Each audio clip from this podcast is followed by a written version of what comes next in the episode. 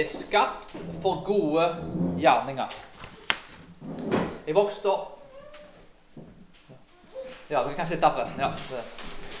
Vi er skapt for gode gjerninger. Når jeg vokste opp på bedehuset på Karmøy, så var jeg aktiv i, i menigheten vel fram til 15. Men jeg datt ifra troen fra 15 til 20. Og En av grunnene til det var at uh, jeg hadde mange ikke-kristne venner. Og jeg tenkte ofte at, uh, jeg syntes ofte at de var kanskje bedre og kanskje i visse tilfeller mer moralske enn de da som bekjente seg som kristne. Og i mange tilfeller så tror jeg faktisk at det stemte. Kanskje ikke i alle tilfeller, men i en del. Jeg lurte på hvordan dette kunne være sånn som det var. Hvordan er det at en kan bekjenne seg til tro, men at det ikke da er etterfulgt av de gode gjerningene som folk bekjenner seg til? Hvordan kan dette ha seg? Hva er løsningen på disse tingene? Og hva er det Paulus prøver å fortelle oss om disse tingene i Titusbrevet? Hva er koblingen mellom tro og gjerninger? Og hva svar finner vi på dette i Titusbrevet? For å oppsummere veldig fort, så er jo dette brevet da Hva betyr det å bygge en gudfryktig og hellig menighet? Det er dette Paulus vil svare på i Titusbrevet. Han skriver til, til, Titus og vil bygge en hellig og gudfryktig menighet da, på Kreta. Og Vi vet fra tidligere fra begynnelsen at en, en skal forkynne Guds ord. Det er vers 1 til, til, til 4 uh, i kapittel 1 i Titus. Vi ser videre at en skal innsette gudfryktige eldste irettesette falsklærer, og bevise den sunne læra. En skal hvile i nåden til Kristus. Og det neste er jo da det Paulus avslutter med, at alt dette her da, Han bruker faktisk nesten et kapittel til å gå gjennom noen av disse tingene. En skal utføre gode gjerninger, for det er det en er skapt til å gjøre. De gode gjerningene er frukten av den gudfryktige og hellige menighet. Eller gudfryktige hellige kirke. Vi er altså skapt for gode gjerninger. Og Det er tre ting som Paulus er med å påpeke midt oppi dette her. Nummer én det er bud for bibelsk levesett. Nummer to det er et bibelsk eller teologisk grunnlag for å leve bibelsk. Og nummer tre det er gode gjerninger i praksis. Hvordan ser disse gode gjerningene ut i praksis? Alt dette er med å påpeke at vi er skapt for gode gjerninger. La oss gå inn på den første tingen først. Det er bud for et rett levesett i vers 1-2. Vi fortsetter videre fra kapittel 2, og der ser vi at Guds nåde gjør gode gjerninger mulige. Budene til Gud, vi hviler i de budene, ikke som et resultat av at vi skal bli rettferdige, men av nåden. Det er nåden på korset som gjør disse tingene mulige. Vi kan gjøre disse gode gjerningene som vi er skapt til å gjøre, ikke pga. at de vil gjøre oss rettferdige, men pga. Guds nåde. Vi ser i vers 1 at en blir påminnet at en skal underordne seg styresmaktene og myndighetene, og at en da skal være lydige. Dette er en, en ganske utrolig ting med tanke på hvordan Romerriket er. Romerne var opptatt av administrasjon, organisering, og hadde forholdsvis gode lover sammenlignet med andre sivilisasjoner på den tida. Altså En god lov i Romerriket er noe helt annet enn en god lov i Norge i 2022. Så det er store forskjeller, og standarden var mye lavere tror jeg, på den tida. Men romerne hata politisk ulydighet. De brydde seg fint lite hvem du tilba, hva du gjorde. Men hvis du var politisk ulydig, så ble de sinte. Herod den store, da, som prøvde da å avlive baby Jesus og drepte da masse guttebarn da i Betlehem, var en, altså en bølle, da, bokstavelig talt. Han var en mann som, som han var fantastisk dyktig i, i, å bygge ting. Han var en rå politiker, og han var dyktig i, i kampsport og, og, kunne overvinne nesten hvem som helst. Han var en veldig dyktig person, da, og han drepte store deler av sin egen familie. Du tenker kanskje at en, en sånn kar han får ikke noe respekt i Romerriket. Men det var akkurat motsatt. Denne karen var ekstremt respektert i Romerriket. Dette var han karen som du så opp til. Han utrydda fiendene sine. Han slakta dem. Han drepte sin egen familie. Romerne så opp til ham fordi at han oppnådde ro og fred i riket. Om du drepte folk for å oppnå mål, hadde ikke noe å si, så lenge det var politisk ro. Det var det romerne i stor grad var opptatt av. Så Nero da var keiser på den tida der Titusbrevet er skrevet. Kristne ble brent levende som fakler. Han drepte store deler av egen familie, brente ned deler av Roma og skyldte dette på de kristne. Kan du tenke deg? Han karen skal du være lydig mot. Tenk deg en kar som, som går ut i gatene, kler seg ut som en hjemløs person og knivstikker folk. Se for deg selv om våre statsministre hadde vært kjent for de tingene, og så kommer Paulus. Du må være lydig mot han karen. Det er jo en utrolig ting. Grunnen til dette her er at kristne skal ikke være kjent for et unødvendig opprør. For dette gir kristne et dårlig vitnesbyrd blant romerne. Hvis du skal vinne romerne, så vet vi at Paulus sier du må bli en romer til romerne. Greker til grekeren, jøden til jøden. Så du må gjøre ting for å vinne romeren over til Kristus. Og for å vinne romeren så må du ikke være kjent for et unødvendig opprør. Nå sier Romerbrevet 12 at ble fortalt at all myndighet er innsatt av Gud. Til og med han karen som går rundt og knivstikker folk. En keiser med en som dreper sin egen familie. Er, han innsatt av Gud? Sverdet er gitt for å straffe ondt og for å fremme godt. Men hva når sverdet blir brukt til å fremme ondt og ødelegge det som er godt, sånn som det ble i dette tilfellet? I dette tilfellet så ser vi i 1. Timoteus 1-2 at vi skal be for Nero. Vi skal be for Nero. Vi skal be for Hero den store. Vi skal be for disse folkene, til tross for de er helt forferdelige. I Apostlenes gjerninger 5.29 så ser vi et annet vers som viser at, eh, at vi skal være lydige mot Gud heller enn menneske. Så da kommer den kontrasten her. Jeg skal være lydige, men jeg skal være ulydige. Hvordan henger dette sammen?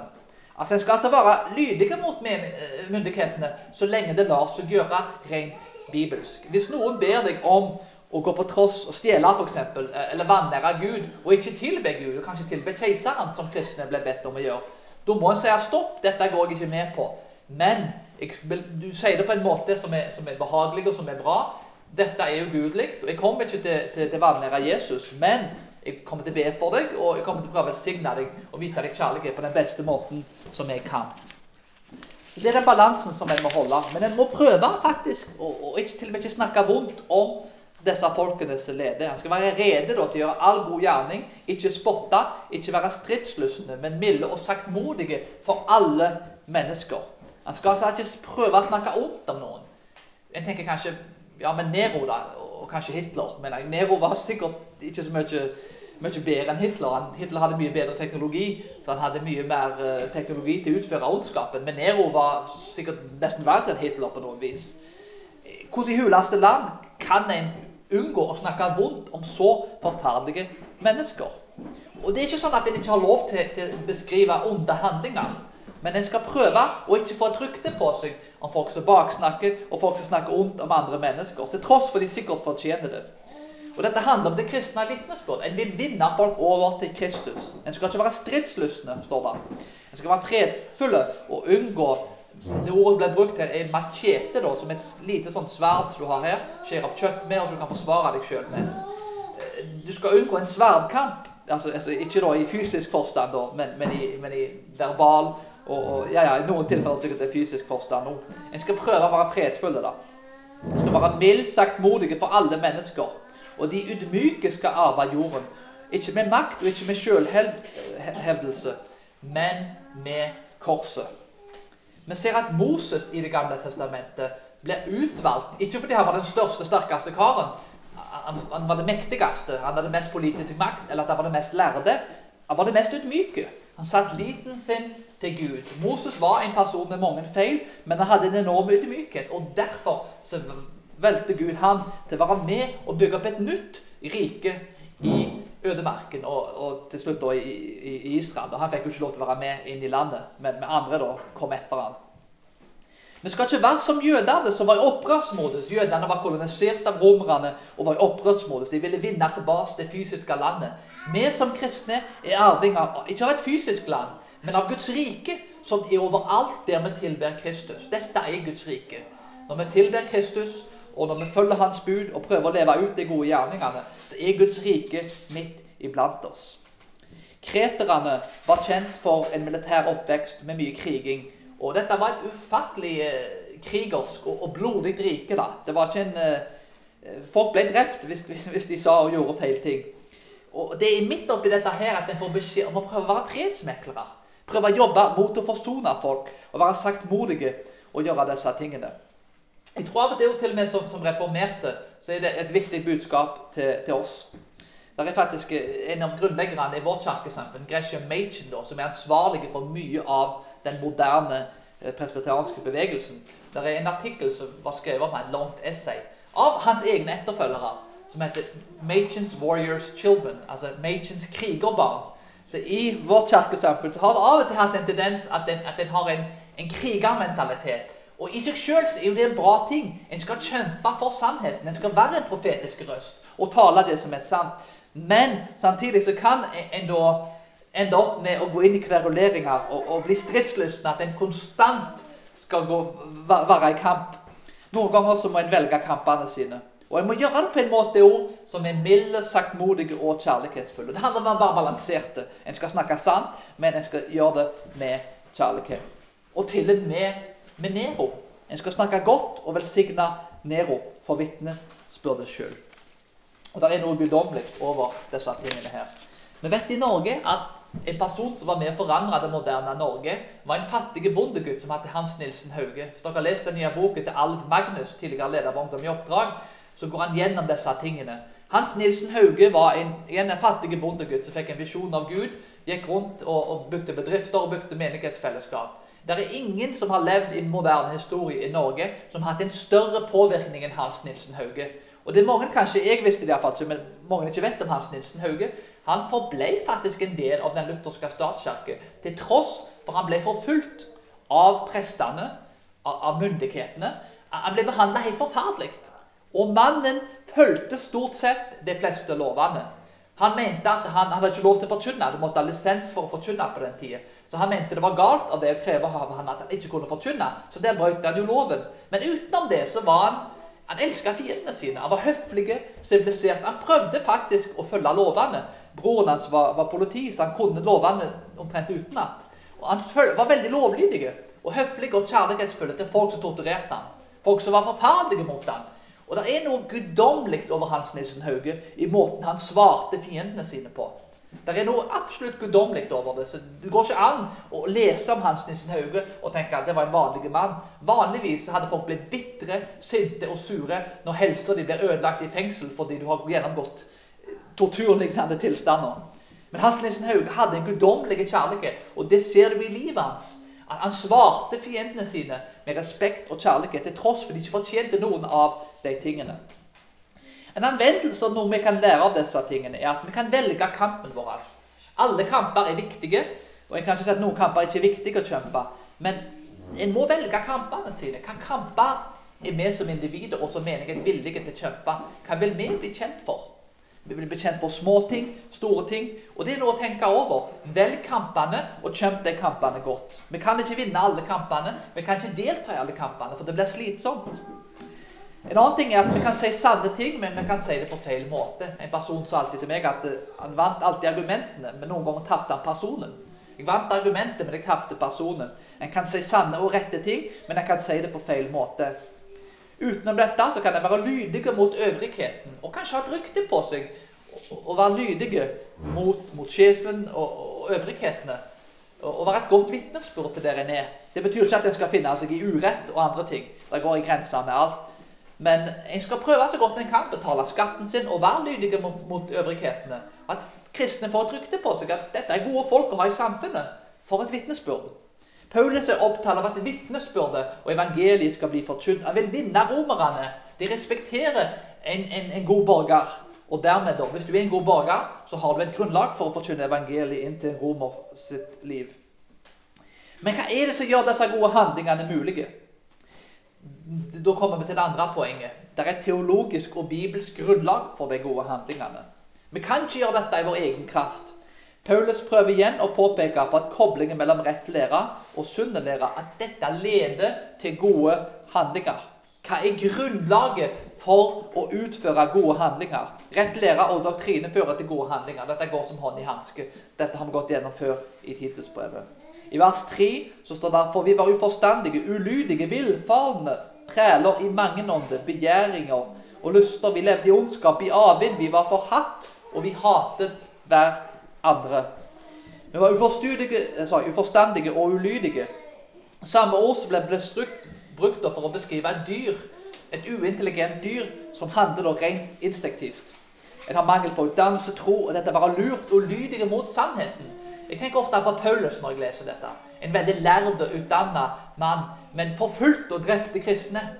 Denne mannen fikk et, rett og slett, han levde som et, et vilt dyr, der han ble styrt av instinktet sitt. Han ville ødelegge kirka, han ville ødelegge kristne. Men når på veien til Damaskus så fikk han et nytt liv i Kristus. Han møtte Kristus på veien til Damaskus og ble som et, fikk et fornya sinn.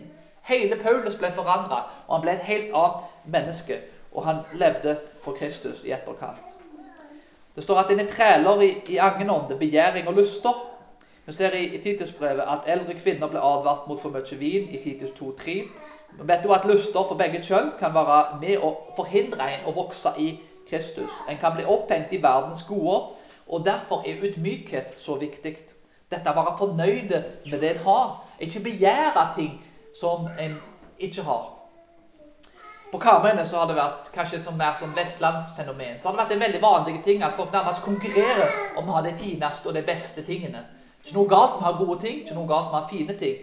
Men uh, det er nesten sånn at et fem år gammelt kjøkken som er helt fantastisk og veldig dyrt, må byttes ut etter fem år. For du, du trenger et enda finere kjøkken, for det er en nabo som har et finere kjøkken enn deg. Det blir en sånn konkurranse om en ekstreme materialisme, der en bruker store mengder på penger på å få det altså, råflotte.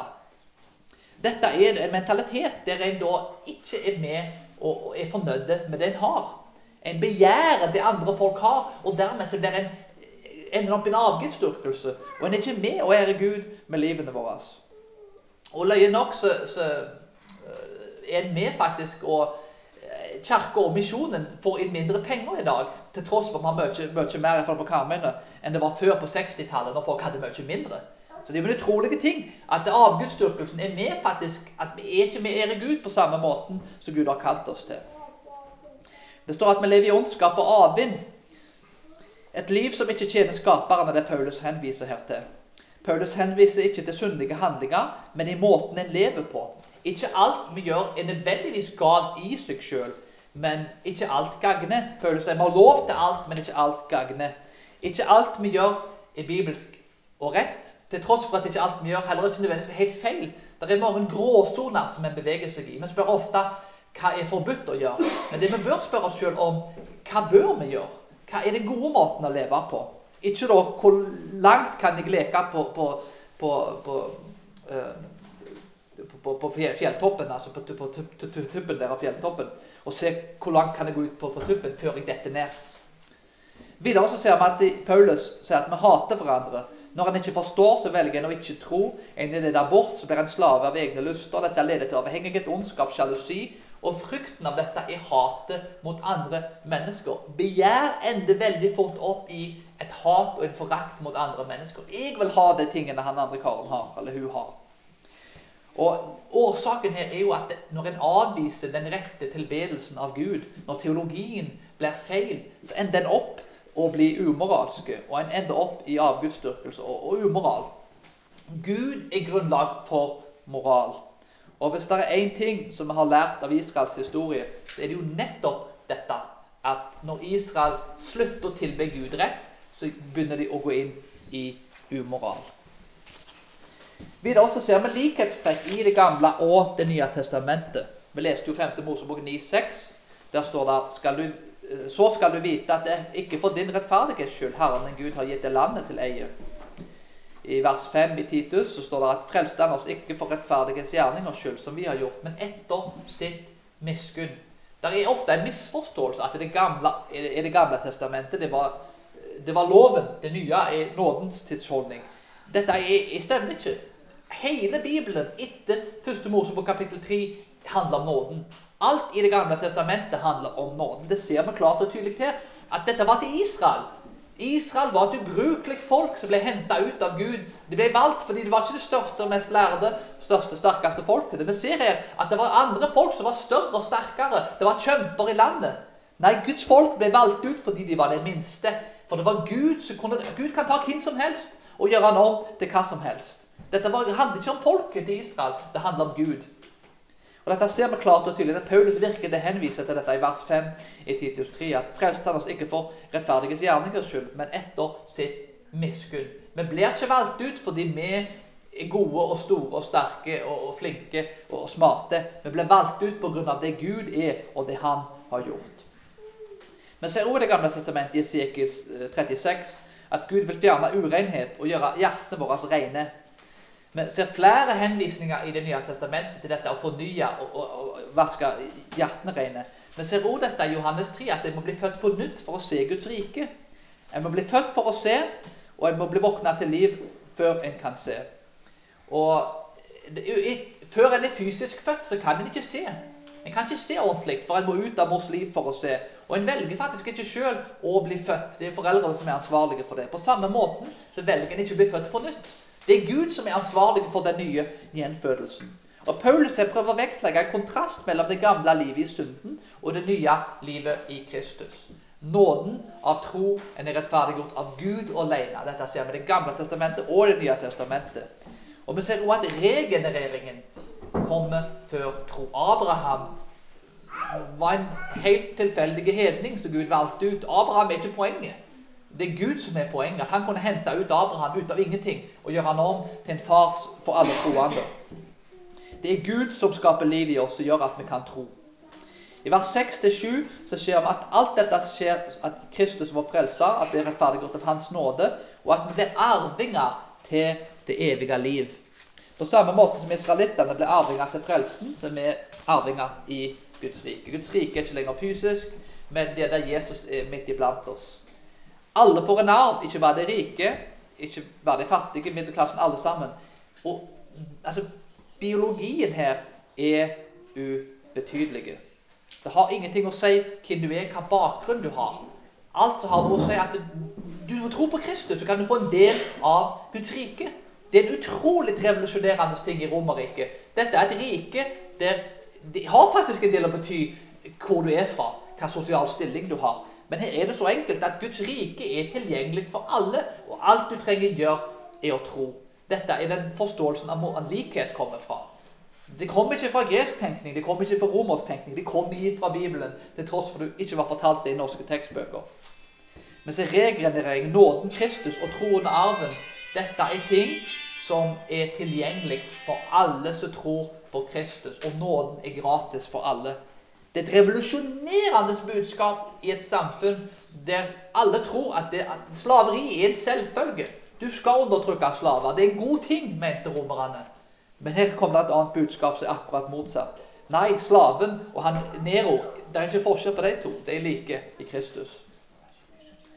Gud han alene er grunnlaget for alt dette her. Og han er også grunnlaget for de gode gjerningene. Og det er teologien her som er grunnlaget for etikken. Og igjen, dette har vi jo sett i Israels historie. Eh, det er ufattelig viktig at alt dette leder til de gode gjerningene. At det er doktrine da, om hellighet. I Luthers teologi så har det vært et, ofte et stort fokus på lov og evangelium. Eh, det er gode ting, og jeg sier ikke det er veldig bra ting, men doktrinen om dette å leve hellig har ofte ikke blitt vektlagt kanskje så mye som det burde. Det er også utbredte lære at en lever i, i, i, nådens tidshusholdning. og Dermed også gjelder ikke lovene og dette med hellighet i så stor grad som det gjorde i Det gamle testamentet. Og Dette har ofte ledet til en, en mer passiv holdning mot dette å være skapt for gode gjerninger. Men det er jo ikke det Paulus sier her i brevet. Vi er skapt for gode gjerninger. Nåden skal lede til alle disse tingene som Paulus leser. Kristen etikk er noe som du finner gjennom hele Det nye testamentet, ikke bare i det gamle. Det er ikke sånn at vi blir frelst av å gjøre disse tingene. Men vi er skapt for gode gjerninger fordi vi er frelst av nåden til Kristus. Og Det leder oss til det tredje poenget. At det gode gjerninger må utføres i praksis. Det har vi jo snakket litt om. Men Paulus argumenterer at det er noen ting som en faktisk ikke skal gjøre. Oh, det er ikke bare ting som en skal gjøre, men det er ting som en ikke skal gjøre. En skal ikke bruke sin tid på tåpelige stridsspørsmål. Mye falske lærer i Kreta-menigheten. Mye menneskeskapte lærer som ikke skaper guddommelig frukt. Evangeliet og Skriften har troverdighet, og det er ikke menneskets filosofi og lære som har det. Det er 24 timer i døgnet. Bruk tida på de tingene som er viktige. Et eksempel som Paulus bruker, er faktisk ettertavler. Grekerne fortalte om ettertavler og var knytta til gudene å ha tilhørighet og, og tilknytning til, til, de greske gudene.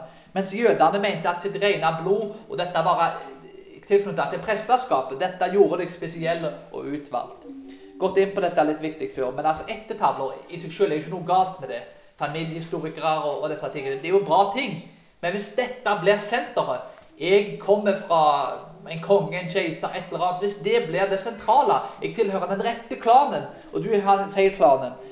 Biologien her er uviktige. Det har ikke noe å si hva familien er født i. Om en er rik eller fattig, eller om en er middelklasse. Ifølge en veldig kjent historiker, Tom Holland, eh, en artist faktisk, en av de mest kjente historikerne om Romerriket, så beskriver han kristendommen som revolusjonerer. Han, han, han, han, forandrer hele måten folk tenker på. I Romerriket så hadde det alt å bety hva klan du tilhørte, hva familie du ble født til. Om du var tilknyttet greske guder, altså jødiske prester, eller hva enn det var. Det hadde alt å si. Folk gjennom historien har vært klanbaserte. De har ikke vært fokusert på dette nettet i Kristus. Det er en absurd idé i Romerriket som Paulus presenterer her. Og Paulus er selv en jøde. Biologien er uviktig. Ettertavlene dine er, har ikke noe å si, for det er livet i Kristus. Og det er tilgjengelig for alle som tror, og det kommer av nåde. Ikke fordi at jeg var født inn i rett familie. Det er faktisk en helt ufattelig utrolig ting å se at Paulus kommer med et budskap som er motsatt av alt som folk tenker, alt som folk tror. For en romer så er dette sprøtt. Han tenker at Paulus eh, har klikka for ham. Og det får han Paulus beskjed om at eh, du har gått galt, Paulus. Det store lærdommen har drevet deg til vanvidd. Men nei, Paulus har ikke bedrevet til vanvidd. Han har fått en åpenbaring av Gud. Der et nytt rike blir etablert. Der de sosiale forskjellene ikke har noen betydning. Det som har noen betydning, er at du er ett i Kristus. Der er stridigheter om spørsmål i loven som du skal vise fra deg, som Paulus sier her. De unyttige og meningsløse. Et menneske som farer med vranglære, skal advares, men vises fra deg. Og den som er sånn, han dømmer seg sjøl. Jeg hadde en gang en, eh, en, en nabo som var tidligere nynazist. Eh, jeg traff han ikke når han var nynazist, heldigvis. Eh, men han konverterte til kristendommen. Og vitna til folk. Jeg gikk dør på dør, vitna til folk. Gjorde masse gode ting. Veldig hyggelig fyr. Men han løye nok da, gikk fra nynazisme til kristendom. Og etter å granske Bibelen mente han sjøl da så burde han bli jøde. Han ble fra nynazist til jødedom. Så En veldig sånn forunderlig reise at han hadde. da. Men han var overbevist da at han ble omskåren i voksen alder. som, som ja, en interessant konklusjon han kom til der. Men, men spiste kun jødiske mat. Å være jøde på Karmøy er ikke en enkel ting. der, for å si Det sånn da. Det er ikke så mange synagoger på Karmøy. for å si det sånn. Men han var overbevist. Han gikk rundt i menighetene og fortalte folk dere spiser ikke jødisk mat. Dere spiser for mye reker, gris og andre ting. Og han var overbevist om dette i lag med en annen. Og han er oppriktig jøde i dag. da. Som sagt, Flott at folk følger overbevisningen sin. Jeg er ikke imot det. og så Jeg er glad jøder. Men, men konklusjonene hans mener jeg er helt feil. Og Han gjorde akkurat det. Det var akkurat som å se Titusbrevet og, og Galaterbrevet komme inn i livet mitt. mener jeg. Du har diskusjoner med noen som mener at du må følge jødiske skikker. Du må begynne å spise jødisk og blande dette inn med kristendommen. Til slutt så blir han helt 100 jøde. Men til slutt så kom en da til en konklusjon der Jesus hadde ikke eksistert. Han gikk fra han hadde sett Jesus fysisk, til at Jesus aldri hadde eksistert. Og dette vet alle historikere som er sekulære, at stemmer ikke det. Jesus har vært en historisk person som har eksistert. Det er det ingen sekulære historikere som blir tatt seriøst, eh, som vil fortelle deg. Og Jeg prøvde å påpeke disse tingene til ham, men det ble unyttig. Det ble, det ble fruktløst. Jeg kunne sluppet himmelen ned i hodet på ham. Det hadde ikke hatt noen effekt. Og til slutt så kom jeg til det punktet det eneste jeg kan gjøre, er å be for denne mannen. Og det har jeg gjort da i etterkant. Eh, en veldig hyggelig kar, men, men, du kommer til et punkt der diskusjonene blir fruktløse. Og det er ikke noe poeng å fortsette å diskutere. Anvendelsen vår her er bruk tida di nyttig. Velg dine kamper og delta ikke i kranglings skyld for kranglings skyld, men noe som leder til sannhet. Jeg har nok hatt en tendens av og til til deltatt i kverulering og krangling for kranglings skyld. Ikke alltid det som må lede til sannhet. Så jeg er skyldig og syndig akkurat på det punktet sjøl. Men eh, jeg må tenke litt hva frukter bringer det. Og Et spørsmål som ofte kan være greit å spørre, er folk Hva om Jesus hadde oppstått fra de døde? Er du villig til å følge Jesus? Er du villig til å organisere livet ditt? Hvis du blir overbevist om dette er sant. Jeg har vært sjokkert av å høre hvor mange folk som sier nei til det spørsmålet. Og da er spørsmålet er det egentlig et poeng å ha en diskusjon hvis folk, uansett bevisene, ikke er villige til å forandre livet sitt. Hvis Gud ikke jobber i folk, så kan ikke jeg gjøre noe som helst. Gud må forandre hjertene til folk. Og Heldigvis bruker oss alle til å gjøre det, og vi skal delta i samtaler. Men en må ha skjønn og skille mellom når samtalene kan bære frukt, og når de ikke gjør det. Videre så ser vi at Paulus påpeker dette da, at en skal vise folk fra seg, og hvis de blir advart flere ganger. Eh, kirkedisiplin er jo forhåpentligvis noe man aldri bør praktisere. Men, men, eh, altså Vi praktiserer det jo, men forhåpentligvis aldri noe vi må sette i, i, i anvendelse. Men uh, det er jo noe faktisk som, som, som, det handler om gjenopprettelse. Jeg har sett dette på egen hånd. Det, det er fantastiske ting når en person blir irettesatt og kommer til omvendelse og kommer tilbake til Kristus og blir forent med Kristus og blir et fantastisk medlem i menigheten igjen. Det er bibelsk og en god ting. Paulus er opptatt her av at hvis du får den feil læra inn, hvis folk begynner å gjøre uheldige, undervise ting som er i strid med Skriften, så vil du få en dårlig menighet, og det vil føre til, til ugudelige gjerninger, som ikke er bra for noen. Paulus er opptatt av den sunne læra, for han vet at den bibelske læra og nåden får utslag i gode gjerninger. Jeg vet at Oppretteren av Frelsesarmeen, William Boot, sa da at gå ut og forkynne evangeliet, om nødvendig bruk ord. Frelsesarmeen har et veldig godt rykte på seg, og de forkynner jo ord, ord åpenbart, men de forkynner vel ord kanskje mer med gjerningene sine. Og gode gjerninger er jo en døråpner for evangeliet. Og Det som gjør dette mulig, er ikke mine gjerninger. Det er ikke Israels gjerninger. Og det er ikke heller Kreta, det kristne Kreta sine gjerninger, som vi ser her i Titusbrevet. Kristus har holdt alle budene. Han er det teologiske og det bibelske grunnlaget for å leve bibelsk. Han levde alle disse gjerningene ut i praksis. 100% Han døde på korset og sto opp igjen den tredje dagen og Den hellige ånd som bor i oss, som har fornyet oss og forandret hjertene våre. Altså, på grunn av at vi er født på nytt i Han, så kan vi leve hellige liv i Kristus. Så la oss hvile i Hans verk på korset. La oss hvile i de ferdiglagte gjerningene som Han har lagt foran oss. La oss hvile i nåden, og la oss vite at en gudfryktig og hellig kirke, frukten av det er at vi er skapt til å utføre gode gjerninger. Så la oss ta disse gjerningene, gå ut og prøve å utføre dem i praksis. Og vite at i Kristus så er det mulig. La oss be. Himmelske Far, takk for dine gode gjerninger. Takk for at eh, vi ikke trenger hvile i våre egne gjerninger. Takk for at det er dine gjerninger vi kan hvile i. Hjelp oss til å leve ut og skape en gudfryktig og hellig menighet. Og, og, i visshet om at vi kan ikke gjøre det på egen hånd, men at det er kun du som kan gjøre det gjennom oss og at du gir vekst til menigheten. Jeg ber om at vi hviler i din nåde og i din styrke og din kraft, og at det, uavhengig av bevisene som ligger rundt oss, om, om vi ikke er så mange som er samla, at på samme måte som Moses stolte på at, å stå foran havet, at havet skulle dele seg, så vil du dele havet og hjelpe oss til å komme inn i ørkenen og inn i det lovende landet, sånn at vi kan bygge opp ditt rike i denne menigheten her i Hamar, og så vel som andre plasser. Jeg ber Jesus om at du hjelper oss å anvende disse tingene inn i våre liv, og at vi er bevisste på våre feil når vi ikke oppnår å leve ut disse tingene. For det gjør vi ikke som kristne. Det gjør ikke jeg som kristen. Jeg lever feil og, og synder ofte. Men heldigvis så kan vi sette vår lit til deg. Og minn oss på det. At uansett hvor mange feil vi gjør, så vil vi alltid reise oss opp igjen og fortsette å gjøre gode gjerninger fortsette å hvile i nåden og vite at vi heldigvis ikke er gode nok, men det er du. Takk, Jesus, for det. Gi oss visdom til å anvende og utføre alle disse gode tingene i Jesu navn. Amen. Tenkte en, passende sang å, å avslutte med.